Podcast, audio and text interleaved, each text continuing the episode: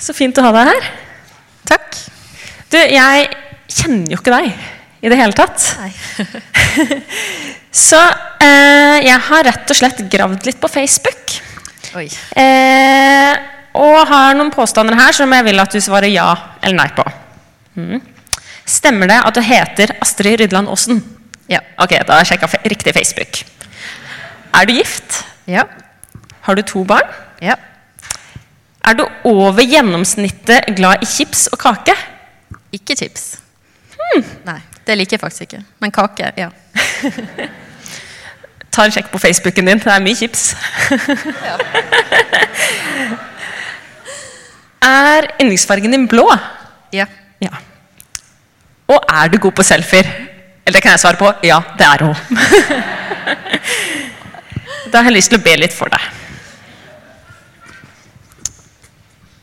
Kjære Gud, jeg vil takke deg for Astrid. Jeg vil legge henne og det hun skal si, i dine hender. Og vekk opp oppmerksomheten og nysgjerrigheten til oss i salen.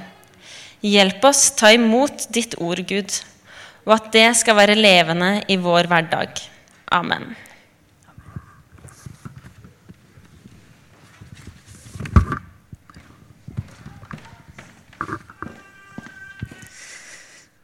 Takk for at jeg fikk komme hit til eh, Misjonssalen.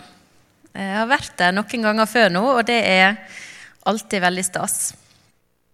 Jeg reiste på fredag fra Evenes flyplass, for vi bor da i, eh, i Narvik. Tidligere så har jeg bodd eh, fem år i, i Lofoten. Og det er litt sånn artig kombinasjon av ord det der, fordi at jeg har bodd i Lofoten, og så flytta vi til Ofoten. Så kom jeg opprinnelig fra Knarvik, og nå bor vi i Narvik. Så jeg fikk en sånn fin eh, icebreaker med på kjøpet der når vi flytta.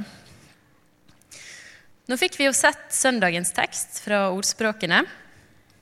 Og jeg må innrømme at jeg syns det var litt vanskelig å vite helt hvor jeg skulle begynne ut ifra den teksten. Men jeg har lyst til å fortelle dere litt om eh, forrige helg. For det var første helga som jeg hadde i Narvik. Vi flytta for to uker siden.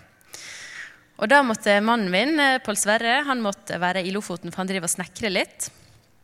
Så da var jeg alene med ungene. Så jeg hadde ei hel helg for meg sjøl og lurte litt på hva jeg skulle finne på. Visste egentlig ikke helt hvor jeg skulle gjøre av meg, fordi vi kjenner ikke så mange der. Men så bestemte jeg meg for å ta en tur i Narvik misjonskirke. Det er en fantastisk forsamling med masse forskjellige folk. Så da gikk vi dit eh, og var på gudstjeneste der. Og etter møtet så hadde jeg liksom sett meg ut noen som jeg hadde tenkt å prate med etterpå, og kanskje sette, sette meg ned i lag med og drikke kaffe med. Men så hadde det vært leir der, sånn at var veldig, alle var veldig opptatt. Og, og det var nå greit nok, det. Det er en ærlig sak. Så det var liksom ingen å være med og ingen å sitte med. Og ja, Så jeg bestemte meg egentlig bare for å, for å gå hjem. Så jeg tok eh, David i vogna og tok Elise i hånda, og så, og så gikk vi, da. Eh, og det var en veldig rar følelse. For før så har jeg liksom vært kanskje en av de som mange har lyst til å snakke med. Høres jeg veldig populær ut, det er ikke det jeg mener. Eh, men jeg har liksom alltid hatt mange å snakke med. Men, men der opplevde jeg for første gang at det var faktisk ingen. Og når jeg sto, sto foran døra til leiligheta og skulle til å gå inn, så, så svingte det en bil opp ved siden av meg. Og Der kom det ut ei dame som jeg kjente igjen fra Misjonskirka. da. Eh, hun heter eh, Hun heter Hadas og er fra Eritrea. Og hun kom med en kopp som jeg hadde glemt på, eh, i Misjonskirka. Og så sa hun det at eh, Astrid Hun hadde fått tak i navnet mitt. da. Astrid, vi skal hjelpe hverandre. Jeg veit hvordan du har det. Jeg kom hit til Narvik fra Eritrea med to barn, helt alene. Mannen min var død. Men nå skal du få telefonnummeret mitt, og så kan du ringe meg hvis du trenger en venn. Og da kjente jeg at tårene pressa godt på. For det var virkelig sånn jeg kjente meg. Jeg kjente meg virkelig som en, som en fremmed i et nytt land. Og det var rørende at det var hun som tok kontakt med meg. For hun visste hvordan det var. Men mest av alt så skammer jeg meg over det å ikke ha tatt inn over den byrden det må være å være annerledes. Så det ble en veldig viktig ettermiddag for meg på mange måter. Så det som jeg sitter igjen med fra den teksten som vi leste her, det er det som står om at den som undertrykker den svake, håner han skaper. Den som hjelper den fattige, gir Gud ære. Og nå er det ikke sånn at jeg er fattig materielt sett, og det var jo ikke det som var problemet den dagen i Narvik heller. Men jeg tror at det er litt i samme kategori som kanskje det å være litt ensom, eh, litt eh, annerledes. Og disse her versene som vi leste, det sier litt om, om hvordan vi skal møte mennesker som har et annerledes liv, eller som, eller som er litt annerledes. At det å være, ha medynk og vise hjelp, og det å ha godt i sinne og være sannferdig, at dette er i Gud.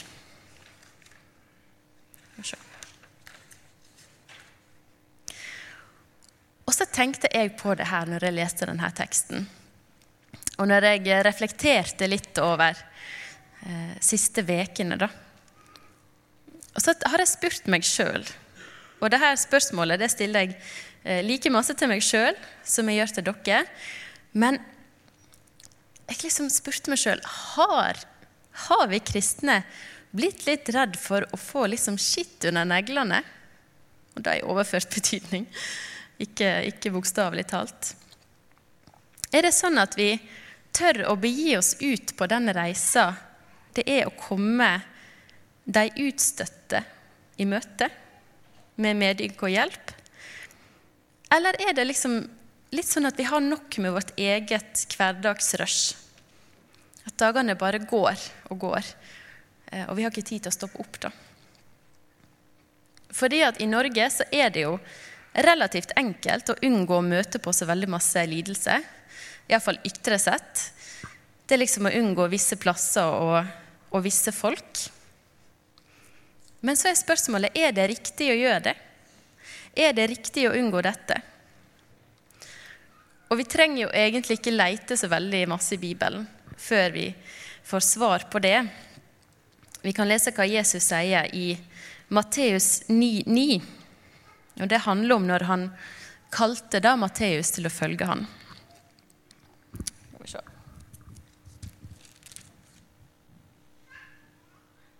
Og der står det Da Jesus gikk lenger fram, fikk han se en mann som satt på tollbua. Han het Matteus. Jesus sa til han, 'Følg meg.' Da reiste han seg og fulgte han. Ei tid etter var Jesus gjest hjemme hos Matteus, og det kom mange tollere og syndere og satt til bords sammen med Jesus og læresveinene hans. Fariseerne så det og sa til læresveinene, Hvorfor et meisteren dykkar i lag med tollere og syndere? Da Jesus hørte det, sa han, Det er ikke de friske som trenger lege, men de sjuke. Gå og lær hva som ligger i det ordet. Det er miskunn jeg vil ha, og ikke offer. Jeg er ikke kommet for å kalle rettferdige, men syndere. Og Jesus han, han sier jo det egentlig bare sånn som det er, at jeg er ikke kommet for å gjøre det dere vil at jeg skal. Jeg er kommet for å kalle syndere til omvendelse. Og er ikke det vårt mål òg? at vi ønsker å se mennesket som går over fra døden til livet.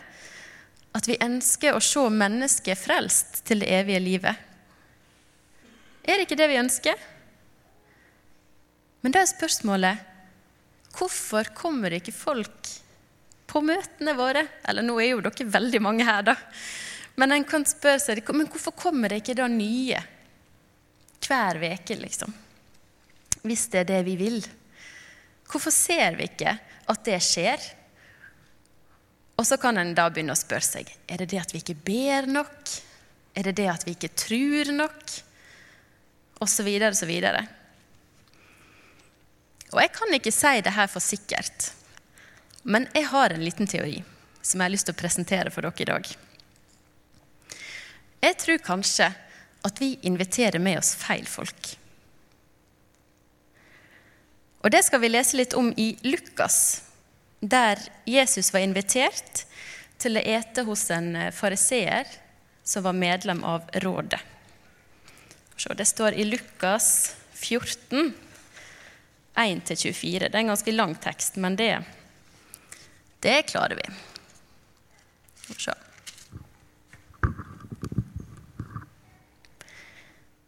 En gang var Jesus gjest hos en av rådsherrene, som var fariseer. Det var sabbat, og de holdt øye med han. Best det var, sto det framfor han en mann som hadde vassått.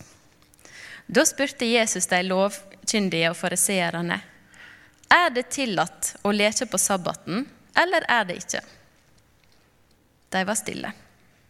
Da tok han på mannen, gjorde han frisk og let han gå. Så sa han til dem, dersom en av dere har en sønn eller nei, jo, en sønn eller en okse som detter i brønnen, dreg han dem ikke straks opp, enda om det er sabbat. De kunne ikke svare på dette. Da la han merke til hvordan gjestene valgte seg ut de øverste plassene ved bordet. Fortalte han dem ei likning. Når du blir beden i gjestebord, så set deg ikke øverst ved bordet, for det kunne hende at en som er gjevere enn du, ble beden og at verten som ba dykk begge, kjem og sier til deg, gjev rom for denne gjesten. Da må du sette deg nedst og skjemmast. Nei, når du er beden en stad, så gå og sett deg nedst ved bordet. Så kan verten komme og si til deg, flytt deg høyere opp, vennen min. Da får du ære medan alle gjestene ser på. For den som set seg sjøl høgst, skal settes lågt, og den som set seg sjøl lågt, skal settes høgt. Han sa òg et ord til den som hadde bedet han. Når du vil holde et middags- eller kveldslag, så be ikke venner og brød og skyldfolk og rike granner, for de kommer til å be deg att så du får vederlag. Nei, når du vil holde gjestebod, så be fattige, vannføre, lamme og blinde. Da blir du lykkelig, for de har ikke noe å gi att. Men du skal få vederlag når de rettferdige står opp. En av gjestene som hørte dette, sa til han, Sel er den som får sitte til bords i Guds rike. Jesus sa, Det var en mann som ville holde et stort gjestebord og ba mange. Da tida for gjestebådet kom, sendte han tjeneren sin i vei for å si til de bedende, Kom, nå er alt ferdig. Men de tok til å be seg unna, alle som én. Den ene sa, jeg har kjøpt et jordstykke og må ut og se på det. Du lyt gjøre vel å årsake meg. En annen sa, Jeg har kjøpt meg fem par okser, og nå skal jeg av og prøve dem.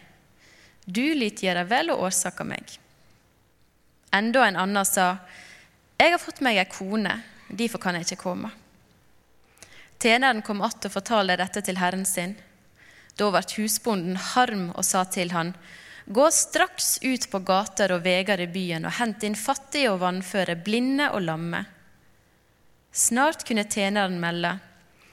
Herre, det er gjort som du sa, men det er ennå rom.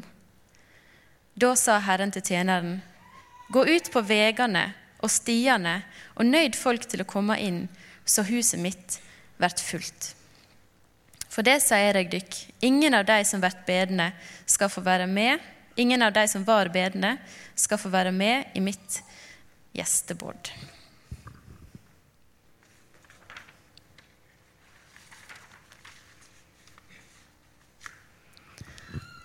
Og dette er jo en tekst som en òg kunne sagt veldig masse om. Men jeg syns det er spesielt interessant den siste delen, det Jesus tar opp der. Der han forteller om ei eh, likning om en mann som eh, kaller inn til gjestebud. Og Der var det sikkert masse mat og eh, masse av det meste, egentlig. Jeg ser for meg at på den tida så sparte de liksom på ingenting. Men likevel så var det mange som ikke ville komme. De var opptatt med sitt. De hadde kjøpt seg ting, og de hadde gifta seg og hele pakka. Men skulle de da avlyse festen? Nei, de måtte endre gjestelista. De måtte gå lenger ned på rangstigen og undersøke om det var noen der som ville komme. Og når det da fortsatt var flere plasser igjen, så måtte de liksom synke enda lavere, da. Fordi at han som kalla inn, han ville at det skulle bli fullt. Og jeg kan, jeg kan eh, kjenne meg veldig igjen i det her. Så sant? Vi, vi lager til eh, gudstjeneste eller møte, og vi baker både glutenfulle og glutenfrie boller, og vi styrer på. Men så kommer det liksom ikke så mange. Jeg har iallfall opplevd sjøl at liksom, jeg ber vennene mine, så, men de, de, er ikke så veldig interessert. De vil ikke komme. Og da er jo det store spørsmålet Nøyer jeg meg da med å på en måte avlyse? Eller tør jeg å gå de som er andre- og tredjeprioritet på lista mi?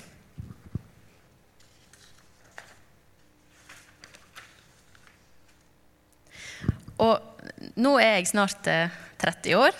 Det er jo litt rart å tenke på. Men det er jo ikke så veldig gammelt.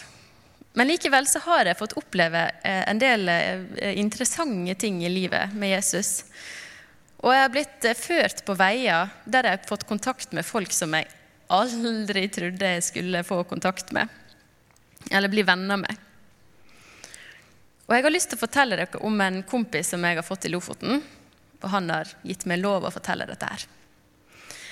Og det her er en, eh, en mann som heter Remi.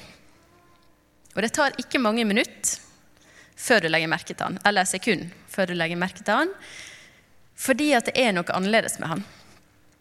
Han har eh, Tourettes syndrom, som gjør at han har ganske mange ufrivillige bevegelser og, og ord og lyder som kommer ut. Og dette byr jo på flere utfordringer. Selvfølgelig først og fremst for hans del. Men en merker det bl.a. ved at det blir ganske bråkete i rommet da, der han er.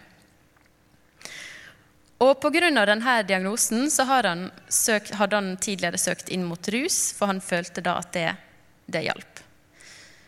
Men heldigvis så møtte han Jesus, og han ble satt fri ifra denne avhengigheten. Og han har tatt imot eh, Herre, eh, Jesus som sin herre og frelser. Og gått vekk ifra det her. Og da må han jo spørre seg sjøl, sant? Er vi glad når noen tar imot Jesus og blir satt fri ifra rus? Ja, vil jeg si da. Men er vi glad når Remi vil komme på gudstjeneste? Er vi glad når Remi vil komme på bibelgruppe hver tirsdag i stua di? Nei. Jeg kjente at det var sånn Ja, flott at du har tatt imot Jesus, men må jeg da forholde meg til deg hver uke? Og det, det begynte en ganske ransakende prosess i meg. Jeg ble kjempebekymra for hvordan de andre i bibelgruppa skulle ta det her. Jeg var redd for at de kom til å slutte. Fordi at det ble liksom så stort uromoment. Og jeg kjente at han skulle gå på liksom samme gudstjeneste som oss. Så ble jeg sånn Ja vel, skal han sitte i lag med oss? Kan han sitte i salen? Altså Det ble så mange problemer i hodet mitt, da. Men jeg skal si dere det, at det har aldri vært så mange i cellegruppa vår som etter at Remi begynte. Det virka som at uansett hvem han ba med seg, så bare ble de med. Både på cellegruppe og på gudstjeneste. Og cellegruppa ble så stor at vi måtte dele den i to og nesten i tre. Jeg har ikke fått med meg en eneste person på cellegruppe i løpet av to år. Og han hadde med seg noen nye nesten hver uke.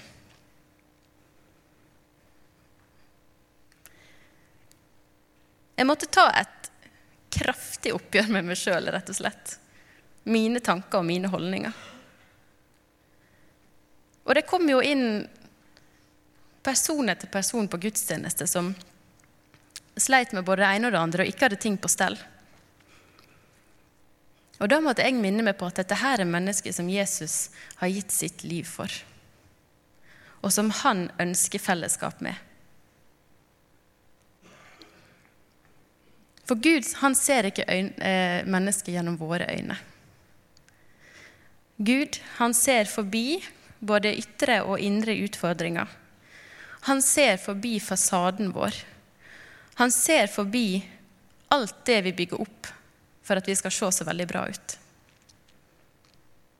Han tar de som er villige til å bli brukt, og så bruker han dem.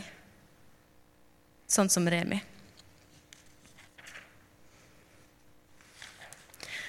Og jeg har nå funnet ut, da, i løpet av disse her åra, at jeg har vært livredd for å få skitt under neglene. I overført betydning, selvfølgelig. Jeg kan gjerne grave litt i hagen. Jeg har vært så opptatt av å ta vare på mitt eget ve og vel, og min egen fasade og mitt eget rykte at jeg har ikke turt å bli kjent med folk som ikke er som meg. Og så har jeg tenkt at jeg er masse bedre enn mange andre. Sånn hvis jeg skal være helt ærlig. Men her har jeg fått lært masse godt av Remi og alle de andre som er blitt kjent med gjennom han. Og Remi han har i mitt liv vært et konkret eksempel på veldig masse av det som Jesus sier og forteller om, men som jeg ikke har turt å ta inn over meg. For jeg har vært så opptatt av å liksom bare ja, ta vare på min egen fasade, da. Fordi at saken er at det kan kreve ganske masse av oss å inkludere og gjøre godt mot de som er annerledes enn oss. De som ikke passer helt inn i vår bås, eller de vi ikke er helt enige med på alle punkt, eller de som til og med lever på en måte som vi ikke syns er bra. Det kan kreve ganske masse av oss. Og da syns jeg det er interessant å lese det Jesus sier i Matteus 5.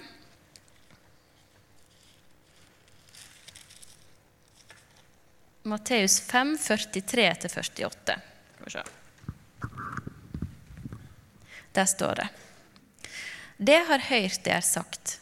Du skal elske nesten din og hate fienden din.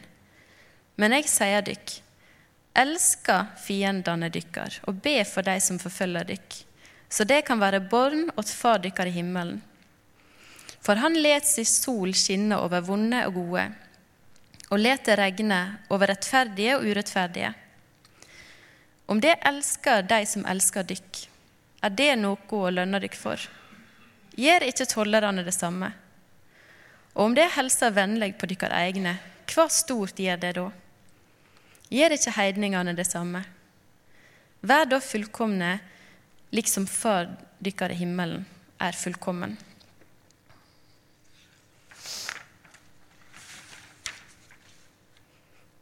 Jesus han er jo brutalt ærlig. Om du gjør godt mot noen som gjør godt tilbake til deg, altså, hva er det egentlig å takke deg for da? Og han har jo et godt poeng. Men likevel så kjenner jeg at det kan være ganske tøft å svelge de kamelene når liksom egoet mitt bare brøler ut at, at jeg egentlig bare bør, bør liksom tenke på meg sjøl, da. Men da er det veldig godt og veldig vondt å bli minnet på det som står i Matteus 25, 31-40. Der står det Når menneskesønnen kommer i sin herlighet, og alle englene med ham, da skal han sitte på sin trone i herlighet, og alle folkeslag skal samles foran ham. Han skal skille dem fra hverandre som en gjeter skiller sauene fra geitene, og stille sauene på sin høyre side og geitene på sin venstre. Så skal kongen si til dem på høyre side, Kom hit, dere som er velsignet av min far, og ta i arv det riket som er gjort i stand for dere fra verdens grunnvoll ble lagt. For jeg var sulten, og dere ga meg mat. Jeg var tørst, og dere ga meg drikke. Jeg var fremmed, og dere tok imot meg. Jeg var naken, og dere kledde meg.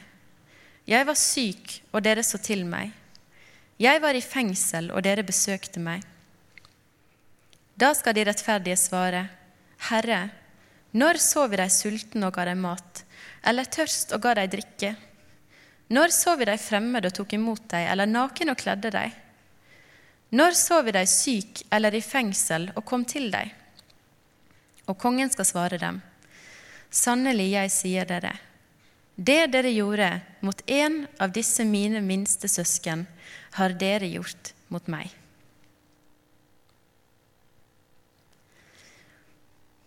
I går så snakka jeg om Abraham og Sara, som fikk jeg et løfte om at jeg skulle få en sønn. Men så gikk det mange år uten at det skjedde noe, før han kom, Isak. Og da snakka jeg om den perioden når det egentlig bare var mest stille. Når en bare må vente, når en bare må stole på Gud. Og at det er gjennom tid at vi lærer tålmodighet og tillit. Og at det er godt for oss å ikke alltid ha det like travelt eller være like synlige.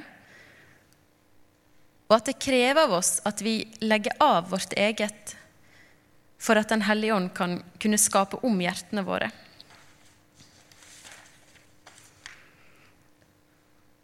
Og i disse stille prosessene så lærer vi at det viktigste i livet, det er ikke å bli sett av andre mennesker, men av Gud.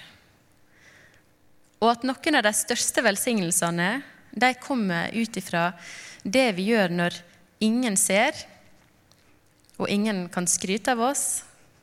Det er ingenting å legge ut på Instagram, for det er ingen som ser det. Men at vi gjør det for å ære Gud, og ikke for å liksom samle tommel opp eh, fra andre mennesker. da. Og jeg kjenner at uh, dette her, det, det, kaller meg inn på, på djupere vann når det kommer til andre mennesker. Det kaller meg til å legge av meg fasaden, til å senke krava til folk som skal få lov til å komme inn i livet mitt, i forsamlinga mi og i stova mi. Det kaller meg til å gjøre sånn som han som kalte inn til gjestebud, at det kaller meg til å gå ut på gata og invitere inn de jeg i utgangspunktet ikke hadde tenkt å, å få komme. Og det kaller meg til å tåle å få skitt under neglene. Og min bønn i dag, det er at Gud skal skape i meg eh, det jeg trenger for å være i stand til det her.